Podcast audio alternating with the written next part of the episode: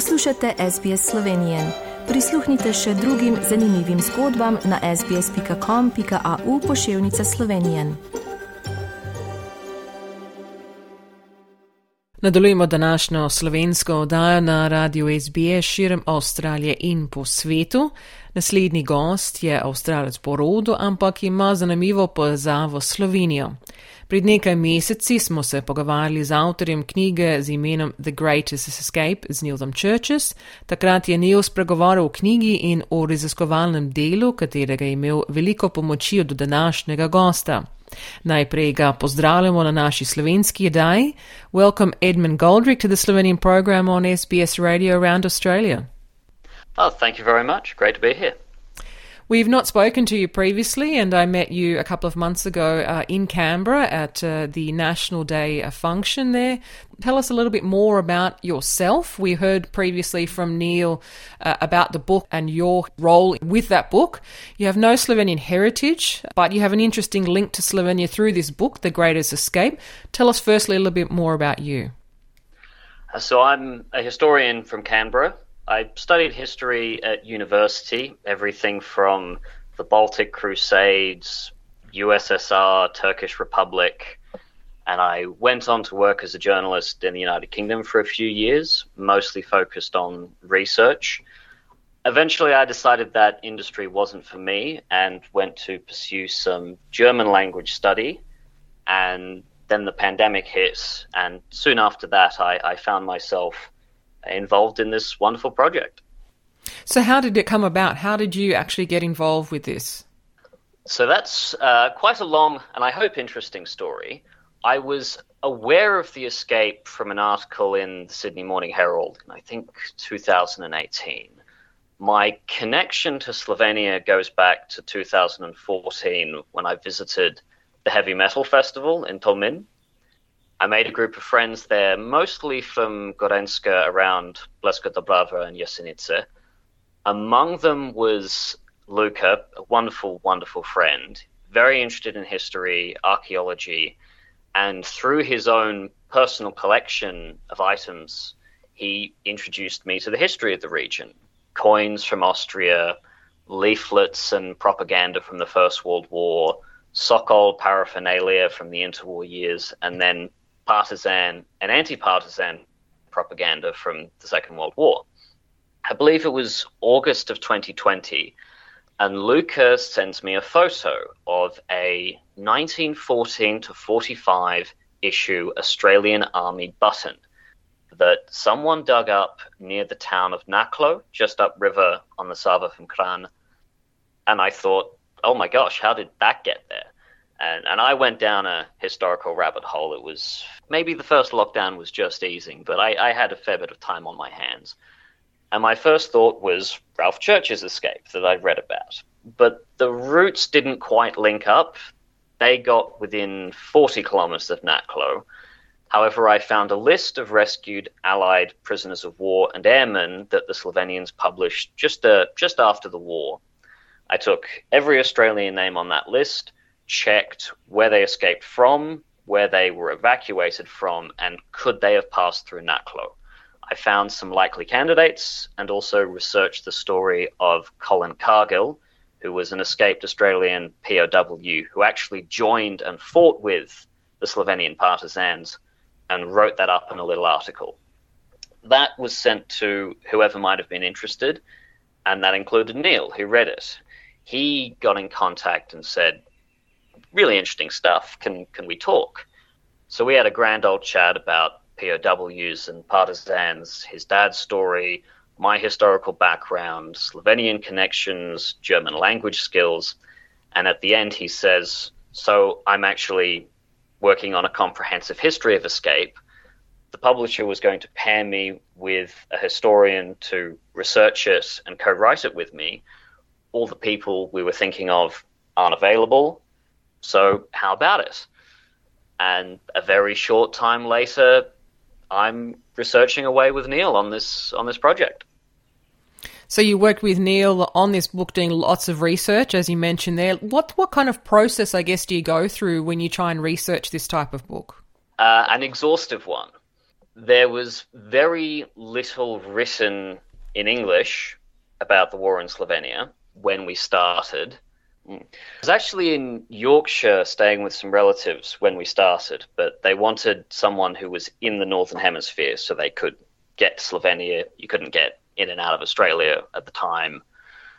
So the starting point was Ralph's short memoir, uh, 100 Miles as the Crow Flies. He also wrote some notes in 1945, the 1980s, and did 10 hours of archival interviews in the early 2000s. Uh, there was some crossover between all four sets. One of the interesting things we quickly realized was how much of an impact time was having on Ralph's memories, but also the limitations of his understandings of the events around him. The first step was trawling for every English language book and article regarding wartime Slovenia that I could lay my hands on as I was in England, I went to the UK National Archives to look at all their files on Slovenia and prisoners of war in the area from the war. And after that, I went on to Slovenia, uh, where I was hoping to find both books and archival materials. Lockdown put paid to the latter, but thanks to our friend Dare Alic and the, the wonderful staff of the Slovenian Museum of Contemporary History, we were able to arrange an emergency borrowing. Genuinely, 15 minutes before a six month lockdown began, I'm coming out with this huge pile of Slovenian history books. During this time, we were also collecting POW accounts, anyone who was vaguely in the area at the time, as well as those on the escape, which involved trying to contact everyone's next of kin. The Digital Library of Slovenia was a godsend. They digitized all the issues of the Marburger Zeitung, the German language newspaper published in Maribor, we knew that as Ralph learned German in captivity, that he was reading the newspaper, and it was where he got a lot of information from. So suddenly, we could learn what did Ralph and the other prisoners know at any given time about partisans and the wider war as this process went on, I became more acquainted with Slovenian sources and better able to understand what was going on. Later, I returned to Australia, and there were lots of interesting records and books that could only be accessed here that proved vital. And right up to the last minute, we were learning things, adding extra details, and answering unanswered questions. So it sounds like a, a laborious uh, process. So obviously, a lot of research, a lot of reading and understanding of what was written across different various sources. As we understand, a lot of the information at the time obviously was uh, was secret. How do you verify the information? I guess across a number of sources and and even countries, for that fact. There is a great deal of unreliable history out there. Uh, our main challenges were verifying information regarding intelligence operations and verifying information regarding the war in Slovenia. The intelligence operations stuff was a very interesting process because all the pieces were already there. It was just a matter of putting them together. There was a researcher, Brian Sims, who is sadly no longer with us, who had done a lot of interesting work documenting prisoners of war and intelligence operations around them. Uh, Matej Ganja, a Slovenian historian, he did a very good book around Slovenian partisans helping Allied prisoners of war and escaped airmen. So he'd also collected a lot of the relevant information, but neither had quite put it together in terms of its significance and its relation to the escape. So a lot of the groundwork there had been done by other wonderful historians. As for the background Slovenian history, the, the historiography there is polarized very badly in a, in a way that reflects wider political polarization. Even post independence, most histories or personal accounts have fallen into two camps either pro partisan or anti partisan. And for the former, if they were published before the late 1980s, they were often censored or self censored. and each presented its own challenges. The pro partisan accounts are often guilty of what I would call passive disinformation. They were reliable on a base level, but a lot of information was omitted and some of it was distorted. Uh, murders, acts of incompetence, political machinations, any, anything bad was omitted. Some specific examples would be an, often repeated line in regards to the founding of the Liberation Front was a, a, coalition of many groups, including the Communist Party, Catholic Socialists, and the breakaway Sokol faction. And you're thinking, hang on, why aren't you mentioning the other groups? Were they insignificant? And the answer was eventually no one of the leading founding groups was the Yugoslav Women's Alliance, a women's liberation organization. And learning about that led us to the story of Angela Vode, famous feminist who was a, a communist, expelled from the party for rightfully condemning the Nazi Soviet pact, and later became the Women's Alliance representative for the OF. And that tied into the show trials that began in 1947. So just by asking, hang on, what aren't you talking about here? And following those leads, you'd learn all this extra history. Another trope in the pro partisan accounts was the idea that civilians were just waiting to give food and shelter to partisans. And it's true they had a, a strong civilian support network. But if 50 guys with guns turn up at your house at four in the morning and say, we need food and a place to sleep, also you can't leave until tomorrow night when we leave. There's an implicit threat there, which was not reflected in a lot of accounts. Anti partisan material was trickier. It presented a vital and neglected view, but there was far more active disinformation. Rather than omit truth, there were more outright fabrications, uh, covering up particularly egregious examples of collaboration, and in some cases, creating partisan war crimes that didn't happen, which, given how many war crimes the partisans committed, was a little baffling. There was a case of a former Domobranstvo soldier who claimed the partisans shot every Allied airman who fell into their hands, which was such a blatantly obvious lie that it undermined everything else he had to say. And there was other useful information to be had there, but suddenly the job of verifying it is so much harder. So, how do you actually go about verifying it, I guess, from that perspective, given you have different conflicting views? You overcome it mainly by hopefully getting multiple accounts of different views that say the same thing. I will say there are plenty of historians who've risen above this binary uh, I'd give special mention to Dr. Gregor Joseph Kranjc, who's brilliant, one of the finest historians Slovenia has ever produced. He wrote To Walk with the Devil, which is a study of Slovenian wartime collaboration, a monumental work of scholarship. And anyone interested in the subject, I would encourage them to pick up a copy. Uh, the Italian historian Amedeo Guerrazzi wrote a brilliant book on the Italian occupation of Slovenia. And now you also have the first generation of Slovenian historians who grew up post independence, and they're doing fantastic work that overcomes that binary. Uh, Lara Ivadreu wrote a piece on Stalag 18D that was indispensable for the book. Uroš Košir wrote about a partisan massacre of Slovenian Roma at Iška, which is a long neglected topic. As for primary sources, we learned as we went along there was nothing better for understanding a situation than finding someone with a guilty conscience. Because they're not writing for work, for fame, or because they think others just might be interested. They're writing because the truth of what they've seen is eating them alive. The most famous example would be Edward Kocbek, Another, there was a Italian military chaplain called Pietro Brignoli who was very traumatized by what he saw his own soldiers do, and he wrote a book about that that was very enlightening as to the situation on the ground. I will say additionally, the Australian Slovenian community had an interesting role in contributing to reliable wartime history.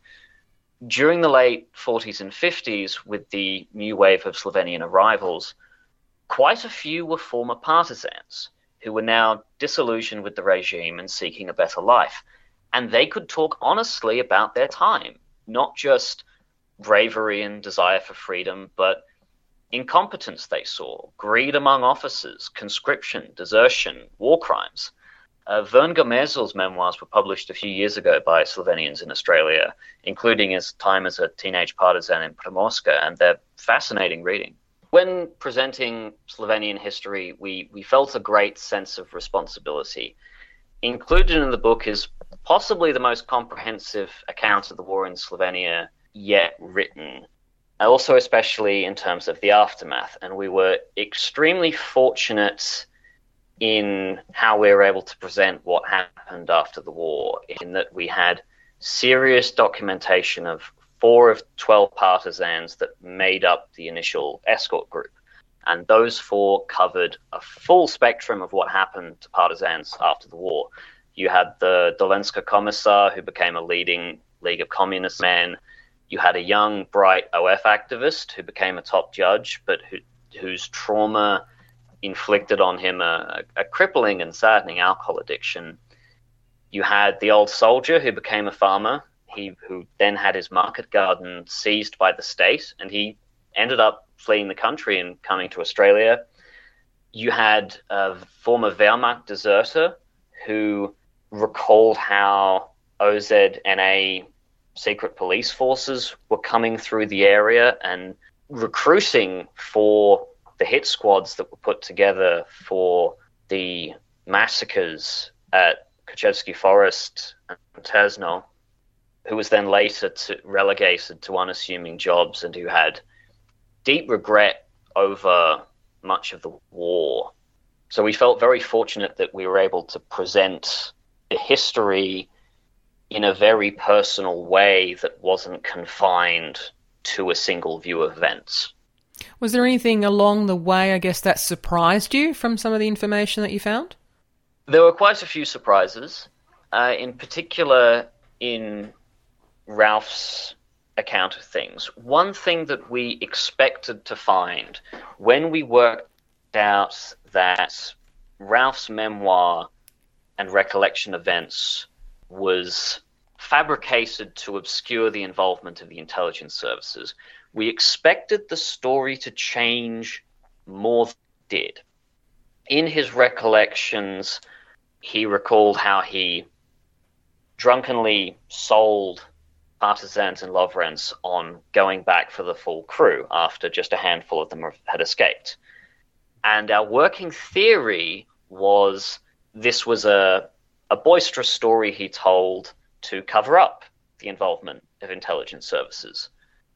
So we were very surprised when we got some original documents and learned that was actually the truth. That for reasons we could hypothesize on, but not say for certain, the full escape was called off. And it was this drunken salesman, in essence, convincing partisans to commit to this rescue. That was very interesting. I mean, it sounds like it's it's a very interesting uh, reading uh, overall, and obviously it's been a, a few years a, a labour of love. Uh, this whole uh, story and uncovering some truths uh, from from that perspective, and, and sorting through a lot of information. It's something obviously you like to do. What is next on the horizon for you? I mean, now that this book has been published, uh, is there a new book or a new project? I've started work on a project that it has not been announced yet, uh, but it involves some Australians who were caught up in other events in the Western Balkans. It doesn't directly concern Slovenia, but they pop up a few times. Uh, one thing I found very amusing with these subjects I'm looking at, who are floating around various parts, that mainly spoke Serbo Croat, a few of them were learning the language as they went along, but of course they had a a hard time with us and, and did not sound like native speakers. and the excuse that was used for them was, oh, they're Slovenians who've been deported from the Germans from Štajerska. That's why they sound so odd. And there was a case of an Australian and a New Zealander who escaped to Slovenia. And while they were on the run, people said, Oh, don't mind their accents, they're Serbians. So I found it quite interesting that Australians were being passed off as the other in each country. Wow, so it sounds like you'll be keeping on this uh, type of uh, topic, um, given that you have a, obviously a vast uh, more knowledge now after dealing with uh, the Greatest Escape. Will you be spending uh, any more time, I guess, in Europe, and next time the uh, the chance is there, and maybe in Slovenia again? I just came back from a research trip a few months ago, which was very useful and very enlightening. Uh, sadly, I don't see myself being able to go for some time. I, the future very much lies in Canberra, but we'll see. We'll see what the future holds. And uh, we heard some obviously some uh, Slovenian names along the way in terms of places and things. Have you picked up some of the language while you were there as well on the last trip? Uh, a little. So I actually I was involved doing a course with the Slovenian Culture and Language Association and managed to pick up some through the research process. I sadly didn't get the chance to use that much in Slovenia. I'd been in Belgrade and Austria beforehand. In Austria, speaking German, and then in Belgrade, I was trying to leverage Slovenian into Serbian, relying mostly on verb and noun roots, which didn't go too badly. But by the time I got to Slovenia, I was hopelessly muddled in languages. Well, I think uh, I think you'd know enough uh, that they, as they say, they wouldn't be able to sell you. At least be able to order some drinks and some food, I presume. Yes, though I did I did rather embarrass myself at, at a pub in Jesenice. I tried to order čebulni obročki, but I stumbled over myself and asked for čebulni otročki. Yes, I don't think that would have gone down as well. But uh... oh, my my friends thought it was hilarious. Well, we hope obviously the next uh, the visit Slovenia will meet some Australian Slovenians uh, in the community. Um, as we saw you, like I said, in Canberra last time, uh, that you'll uh, ho- hopefully know a few more words. From Edmund Goldrick, we wish you all the best with uh, your next uh, project. As you mentioned there, it's it's not officially on the way, but you're obviously underway in, in terms of reading and research and all your future endeavours. Thank you for joining us on SBS Slovenian. Thank you for having me. Želite slišati sorodne zgodbe? Prisluhnite jim preko Apple ali Google podcasta, preko aplikacije Spotify ali kjerkoli drugje.